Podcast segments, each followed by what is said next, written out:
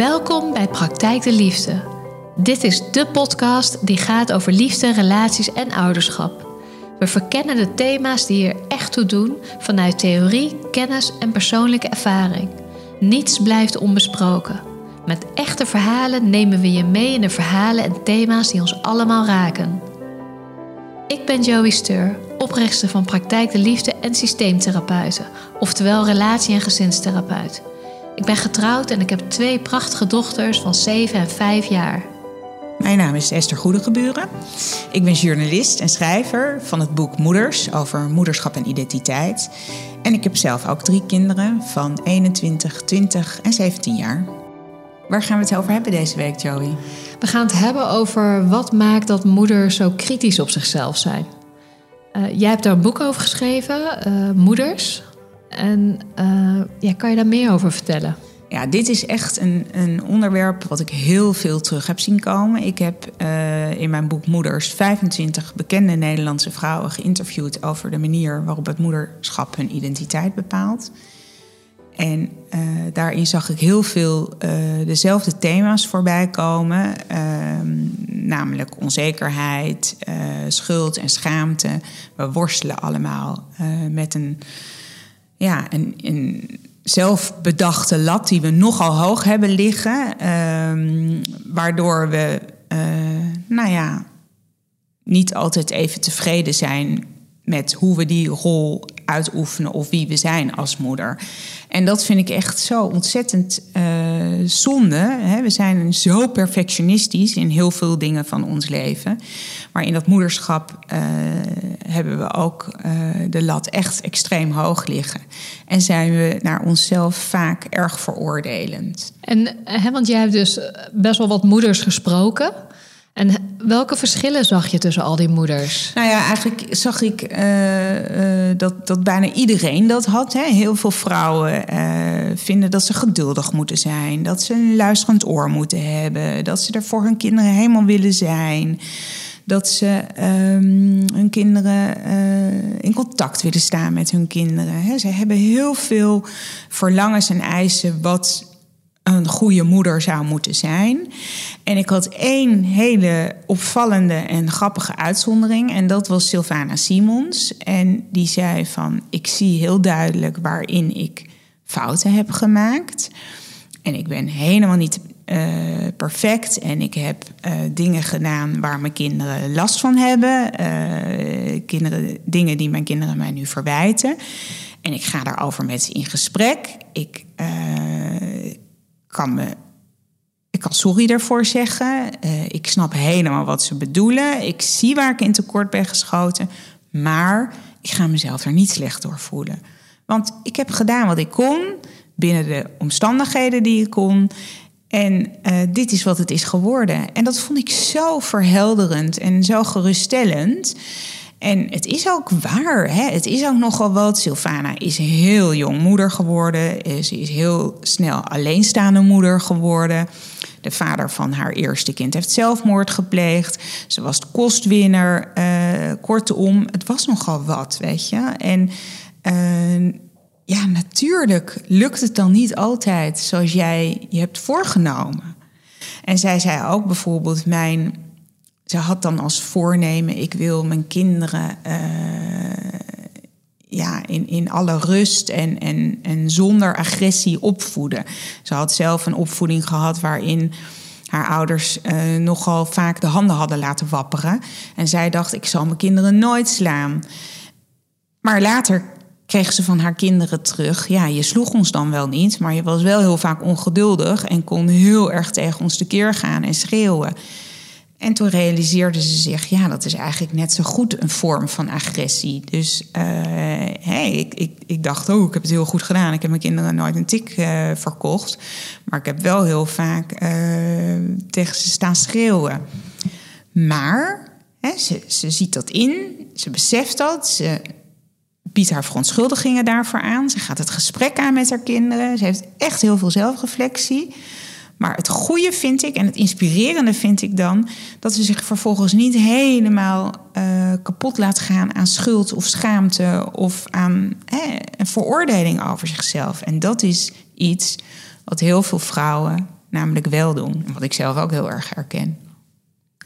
Dat je herkent dat, dat heel veel moeders wel heel kritisch op zichzelf ja, zijn. En ja, jij als moeder eigenlijk van, ook. Oh, weet je, als het niet gelukt is wat je hebt voorgenomen. Dus ook een van die dingen uh, die bijna iedereen zich voor heeft genomen... is ik wil een geduldige moeder worden. Ik sprak daar Roos Slikker over en Avrand Korstjes. En die dan ook zeggen dan zie ik mezelf helemaal uit mijn, uit mijn plaat gaan ten opzichte van die kinderen. En dan denk ik, oh, dit is niet goed. En ik haat mezelf en ik, ik ben slecht.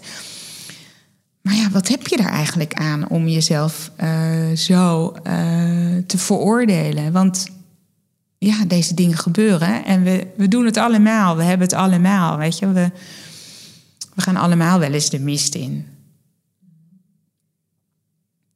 En ik vond het dus heel erg leuk dat ik heb in mijn boek ook deskundigen geïnterviewd. En dit is ook de manier waarop wij elkaar hebben leren kennen. Want jij was een van die deskundigen. En jij beaamde eigenlijk heel erg uh, dat het die mildheid die Sylvana over zichzelf kan hebben, dat dat eigenlijk ontzettend goed is voor je.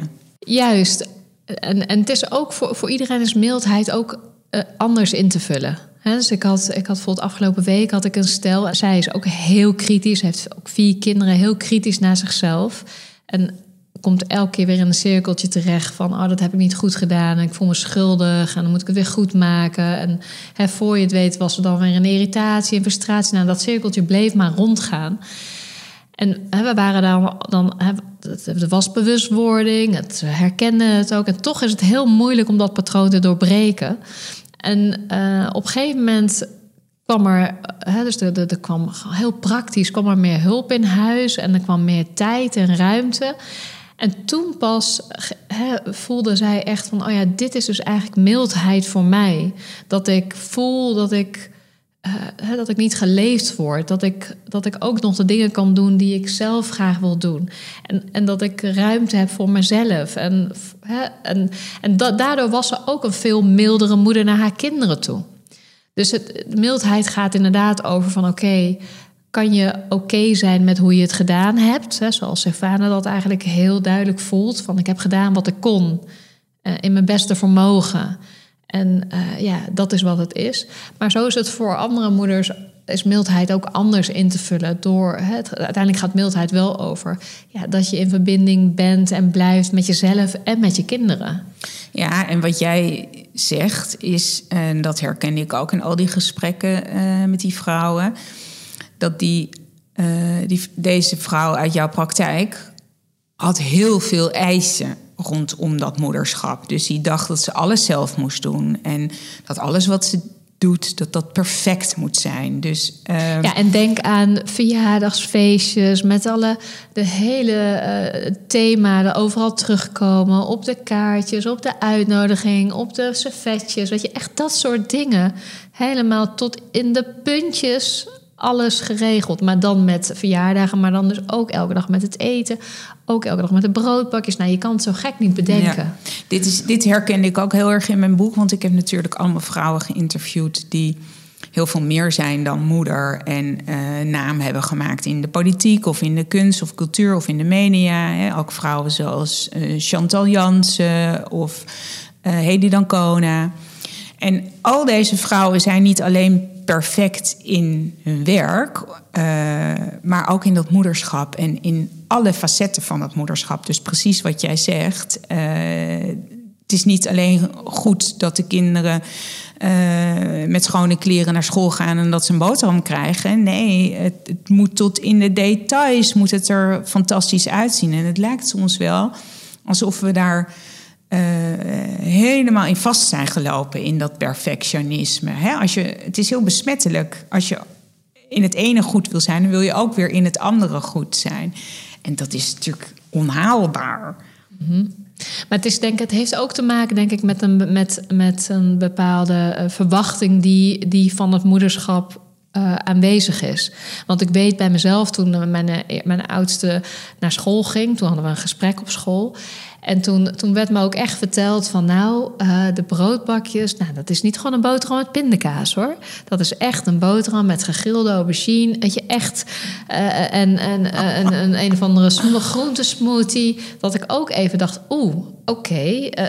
Dus ik denk ook dat er ergens een verwachting ligt in deze tijdsgeest. Hè, want we zijn moeder en we zijn nog veel meer.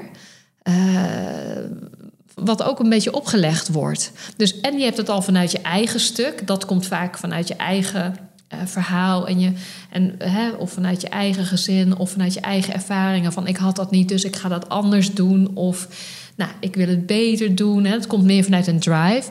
Maar er is ook een stuk wat volgens mij ook een beetje opgelegd wordt van uh, ten opzichte van eh, hoe, de, hoe moeders zich nu moeten gedragen of moeten zijn. Ja, je, kun, je, je kan elkaar helemaal gek maken. Hè? Dat je, uh, Op het schoolplein. Ja, nee, of... Dat schoolplein is natuurlijk ook inderdaad één grote competitieve kluwe.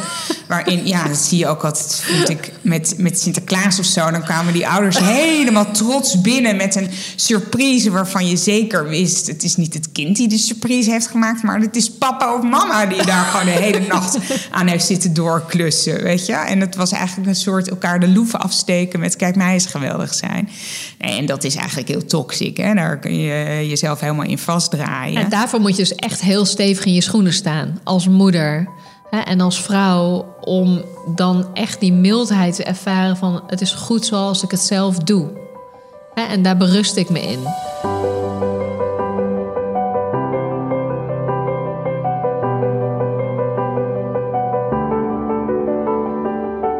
Ik denk inderdaad dat het ook zo is. Dat zag ik ook in, in die gesprekken die ik voerde. Dat als je die mildheid niet kunt hebben. en dus zo veel eisend voor jezelf blijft. loop je eerder vast. Hè, wordt je lontje inderdaad toch korter. Want je pleegt gewoon roofbouw op je energie en je uithoudingsvermogen. Uh, en dan voel je weer slecht dat je uh, uit je plaat gaat of dat het je niet gelukt is. Dus dan is het eigenlijk een, ja, hoe zeg je dat? Een, een soort self-fulfilling prophecy van jezelf te zien falen. Ja, het is gewoon een, een, het is een patroon wat zich elke keer herhaalt. Want ik, ik, ik denk als we het stukje zouden verdiepen ten opzichte van de patronen. Want het is natuurlijk wel een patroon wat, uh, hè, als, als je dit als moeder voelt, dan is het wel ja, interessant om te onderzoeken van ja, wat maakt nou dat voor mij die lat zo hoog ligt?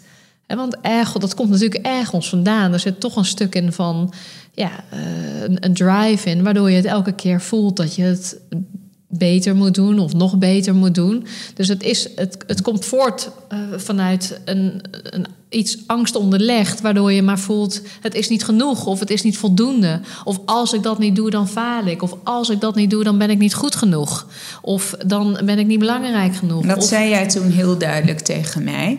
Het ging inderdaad over die, het geduld. Hè? Het geduld is iets. Veel vrouwen uh, willen graag geduldig zijn en worstelen met, nou ja, of ze wel of niet geduldig genoeg zijn. En uh, ik herkende dat zelf ook. Ik wilde heel graag een geduldige moeder zijn. En uh, het was nou net mijn zwakt.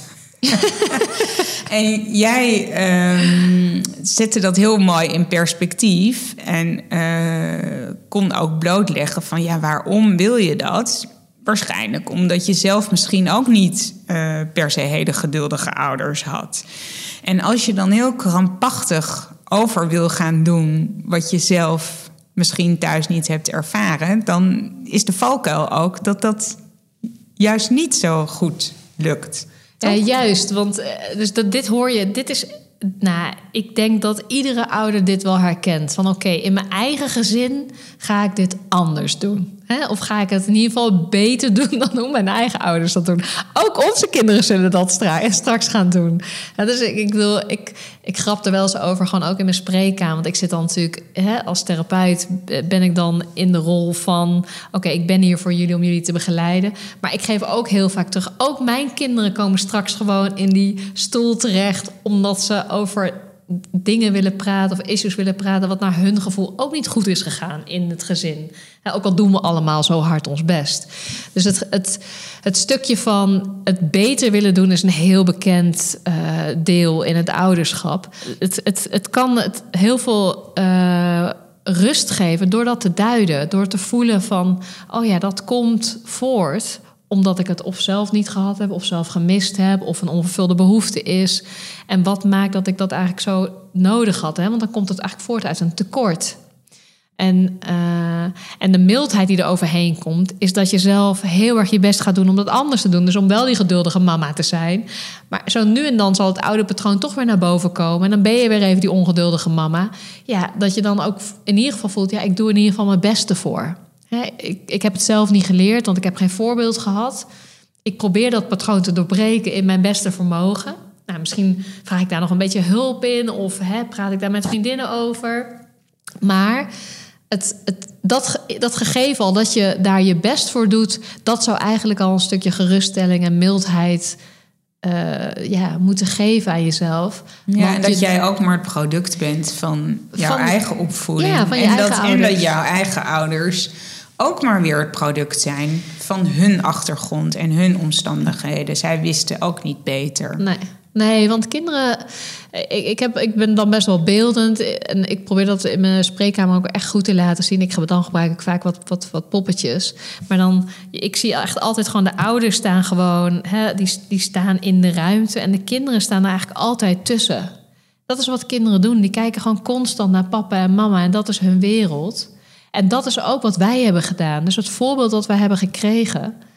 Ja, het is helemaal niet raar dat, dat, dat je dat overneemt. Dat, dat heb je zo geïntegreerd in je eigen systeem en in, je, hè, in, in hetgene wat je al die tijd gezien hebt. Dus als je zelf niet echt een geduldige moeder hebt gehad, nou ja, dan is het echt ontzettend knap als je überhaupt al die stap neemt om te zeggen: ik wil dat anders. Ja. Dat je je bewust bent van het patroon en dat je de uitdaging aangaat. Ja, precies. ja, en dat is misschien inderdaad wel uh, mooi om het zo te zien.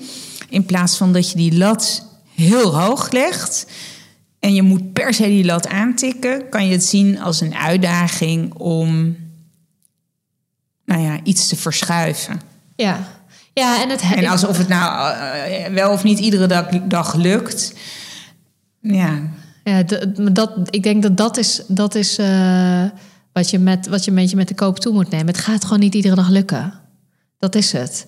Dus ja, en ik vond het dus, dat vond ik dus heel tof aan, aan Sylvana. Dat zij zich wel bewust was van uh, haar gedrag. Ze was zich bewust van het patroon.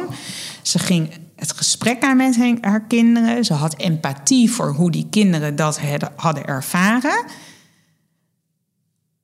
En dat is eigenlijk het beste wat je je kind kunt geven, toch? Het heeft dan helemaal voor je kind in ieder geval geen nut dat jij jezelf ook nog eens een keer afranselt omdat je het fout hebt gedaan. Daar wordt je kind in feite niet beter van. Nee, en ook dat komt weer terug in een relatie. Dus dat het kind gaat die energie ook weer voelen. Ja. Dus dan wordt het soort van dubbel, dubbel, dubbel op uh, de vervelendheid. Ja, dus eigenlijk moet je ervoor waken, ook in het belang van je kind, dat je jezelf niet fout gaat maken voor de dingen die niet zo goed gelukt zijn? Nou ja, het helpt gewoon heel. Ik denk wat dat als ik, ik bedoel, hè, wat jij zegt, hoe, hoe Savannah dat doet.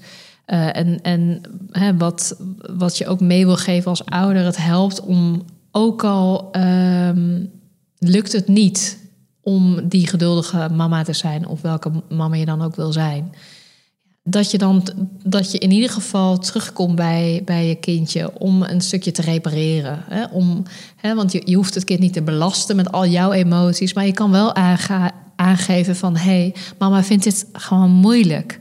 Mama heeft het zelf niet echt geleerd. Ik probeer het wel nu anders te doen. Hè? In, in, in een soort van Jip en Janneke taal. Dat, dat, je in ieder geval, dat het in ieder geval het kind voelt dat je weer terugkomt en een stukje repareert. Mhm. Om vanuit daar weer verder te gaan sorry zeggen.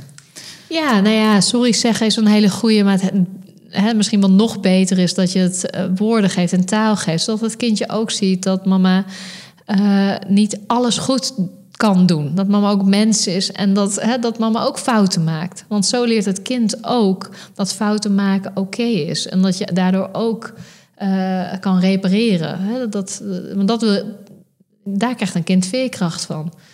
Als ze alleen maar zien dat mama alleen maar die perfecte mama is, dan wordt dat weer de lat van het kind. Nou ja, en dan krijg je dus een kind wat voelt, nou, dan moet ik nog beter doen. Ja, waar is het? Het is dan ook heel moeilijk om op te boksen. En er zijn kinderen die dan in die drive komen, maar er zijn ook kinderen die, die worden helemaal lam gelegd. Die, die, die komen in een soort van passieve houding dan, dat ze eigenlijk helemaal verlammen. Ja, dus eigenlijk dit is ook interessant wat je zegt. Uh, dat voortgaande perfectionisme is, daar dien je en jezelf niet mee, want je, het afbrandrisico is nogal hoog, maar je dient je kind er dus ook helemaal niet mee. Nee. Want het is geen realistisch uh, uitgangspunt om het leven aan te gaan. Want je kunt niet alles perfect doen. Nee, dat is het. Het is eigenlijk een beetje de, in ouderschap volgens mij. En ik, ik, ik, wil, ik, ik worstel er zelf ook mee. Heb jij daarmee geworsteld? Heel erg, heel erg, ja. En, en nog steeds. Uh, maar ik ben er gelukkig wel wat milder in geworden. Um, maar nee, ik, ik had heel vaak dat ik dacht... Ik, ik wil dat ik zus of zo reageer. Of dat ik... Uh, nou ja, ik, ik had echt een beeld van wat voor soort moeder ik wilde zijn. En als ik niet voldeed aan dat beeld, dan kon ik echt uh, onder de dekens gaan liggen en denken: Nou, uh, laat mij maar niet meer wakker worden. Ik heb het helemaal verpest. en het wordt niks. En ze gaan me haten en ze gaan hekel aan me krijgen. Wat natuurlijk allemaal onzin is. Maar ik was dus mezelf echt aan het afranselen als ik uh, ja, dacht dat ik het niet had gedaan zoals ik het wilde doen. Soms vergeten we, vergeten we wat kinderen ook eigenlijk bij ons naar boven halen. Ze halen bij ons ook echt iets uit de kast waarvan je eigenlijk voelt: laat dat lekker in die kast zitten, want daar hoef ik niet, hè, daar hoef ik eigenlijk niet, daar wil ik eigenlijk niet, dat wil ik eigenlijk niet echt aangaan. En ik moet zelf aan een voorbeeld denken dat, dus ik heb vroeger niet geleerd om in die verbinding te blijven. Dus als mijn, mijn, mijn ouders boos waren, dan was het gewoon ga naar boven en uh, uit mijn ogen en klaar. En dan, Herkenbaar. Hoe, en hoe ik dan het goed kon maken, was dat ik dan sorry zei. Moest ik naar beneden komen en dan moest ik zeggen: Oké, sorry. En dan werd er niet meer verder over gesproken. Dus dat is hoe ik geleerd heb om te repareren, eigenlijk. En, en terug te komen in de, in, de, in de verbinding met mijn ouders. En wat ik dus, wat ik, waar ik heel erg mee worstelde met mijn eigen dochter, mijn eerste, dat zal ook wel met de eerste te maken hebben, maar uh, dat uh, zij accepteert dat van mij niet. dus als ik, dus wat ik dan deed, dan eh, had ik het weer niet goed gedaan. Of weet ik van, dan had ik weer niet alles in de blend, alles helemaal. Dat stomme dingen, weet je. Dat je gewoon denkt, oh, alles moet puur natuur, alles door die blender. En dan lukte dat weer niet, of whatever the reason was. Nou, en dan werd ik helemaal geïrriteerd. En dat kwam dan ook wel soms bij haar terecht. En dan dacht ik, oh shit, ik heb het verkeerd gedaan. En dan, nou, ik zonderde me dan eigenlijk af. Dan dacht ik, oké, weet je, ik, dan dacht ik, ik moet naar een andere kamer. Ik moet zelf tot rust komen, mezelf herpakken en dan terugkomen en dan er voor haar zijn. Nou, dat accepteerde zij gewoon niet. Zij ging, zo werd dan verdrietig of ging huilen. En kwam ze gewoon, bleef ze net zo lang achter me aanlopen om die verbinding weer met mij aan te gaan. En dat was, vond ik echt zo ingewikkeld. Hè, dat ik echt dacht van, ja, dus dat is ook wat kinderen doen. Van, dit is wat ik geleerd heb. Maar zij spiegelde mij gewoon heel erg van, ja mama, zo werkt het niet. dit is niet hoe we dit doen, weet je. We repareren eigenlijk door samen dan in dit verhaal weer naar elkaar toe te bewegen. Waarin ik heel erg moest leren van, oh ja, weet je, ik, ben, ik wil je graag troosten en ik wil er voor je zijn. Dus ik moet gewoon blijven. Maar dat is dan zo lastig, omdat het is dan zo'n diepe beweging van oké, dit is hoe ik het geleerd heb en nu, nu moet ik het eigenlijk anders aanleren, om, omdat ik wel die moeder wil zijn die haar troost en die er voor haar is. Maar dat, begrijp je wat ik bedoel? Maar heb je hierdoor, want ik, ik vind zeker dat eerste deel heel herkenbaar, dat, dat zie je echt veel, vind ik, bij uh, ouders uh, van andere generatie dat zij vinden dat dat sorry zeggen. Hè, kinderen zeggen sorry tegen de ouders, maar ouders zeggen geen sorry tegen de kinderen, ook na ruzie. Uh, ik vond dat zelf heel frustrerend, dus ik dacht, ik wil altijd mijn excuses kunnen maken naar mijn kinderen. En als we ruzie hebben gehad, ook kunnen zeggen van ja, ik had ook gewoon niet zo streng moeten zijn, of ik had dat en dat niet mogen zeggen zodat je het idee hebt dat je het samen goed maakt. Inderdaad, niet alleen jij als kind moet het goed maken. Nee, je maakt het samen goed. Heb jij, net zoals ik, ook die wens gekregen om tegen je kind te zeggen: Sorry, ik had niet zo boos moeten worden? Ja, zeker. Het gewoon het kwetsbaar opstellen naar je eigen kinderen. Volgens mij is dat echt goud. Want zo leer je het kindje ook dat kwetsbaarheid oké is. Ze, ze, hebben het van ons te leren. En dus zoals in jouw gezin en mijn gezin was dat niet aan de orde. Ehm, maar daardoor, daardoor, heb, daardoor en nog steeds kan ik dat soms heel moeilijk vinden. Om dus die kwetsbaarheid. Hè? Dus je, je, het is ook niet iets wat in één keer afgelopen is. Je moet echt leren om dat elke keer weer bij te schaven. Ja, ik dus... vond, het is heel grappig dat ik ook in mijn boek zag ik dat heel veel vrouwen van, uh, nou ja, jij en ik hebben wel een leeftijdsverschil, maar heel veel vrouwen van ongeveer mijn leeftijd, ik ben 53, hadden ouders die precies, net zoals ik dat hadden ervaren, nooit ergens hun excuses voor maakten. Het was gewoon niet normaal om dat te doen. Ze verwachten inderdaad dat kinderen maken excuses naar de ouders en dan is het klaar, weet je. En wij zijn daar allemaal heel gevoelig voor geworden. En misschien is dat ook wel, uh, hè, om misschien uiteindelijk dit gesprek een beetje af te ronden.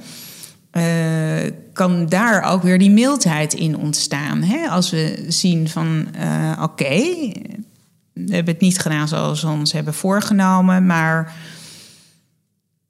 we gaan dat gesprek aan met de kinderen en we zeggen: Ja, sorry, weet je, dit, dit heb ik niet zo bedoeld. Of dat had ik liever anders willen doen. Uh, ja, en je ziet dat je kind dat ook gewoon accepteert. En helemaal niet voor altijd een heel erg boos op jou is. En helemaal niet denkt: van een stom heeft die moeder van me.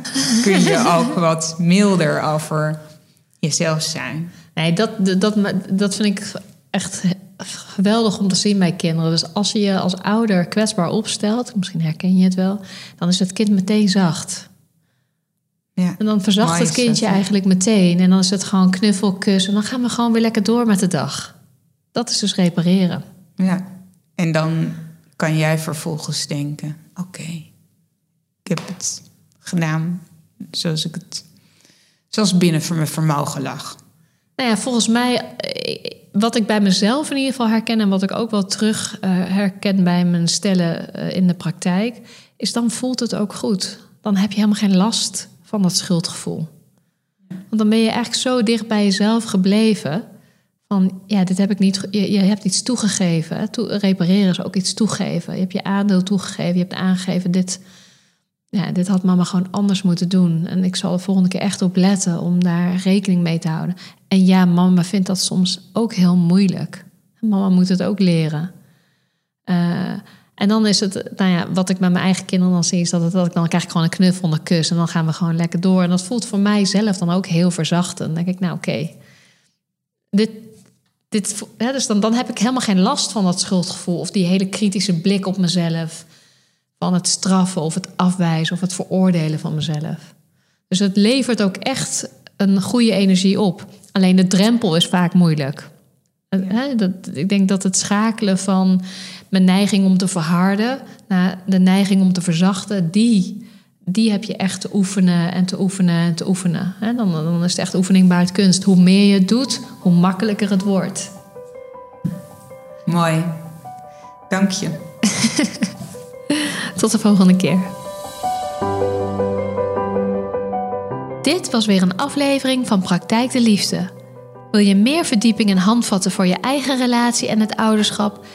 Ga dan naar praktijkdeliefde.com en ga naar Liefde Thuis voor onze online programma's.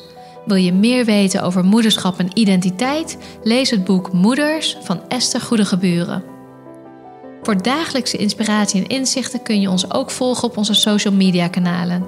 En om altijd op de hoogte te blijven van de laatste nieuwtjes, tips en exclusieve content, meld je dan aan voor onze nieuwsbrief. Bedankt voor het luisteren en tot de volgende keer bij Praktijk de Liefde.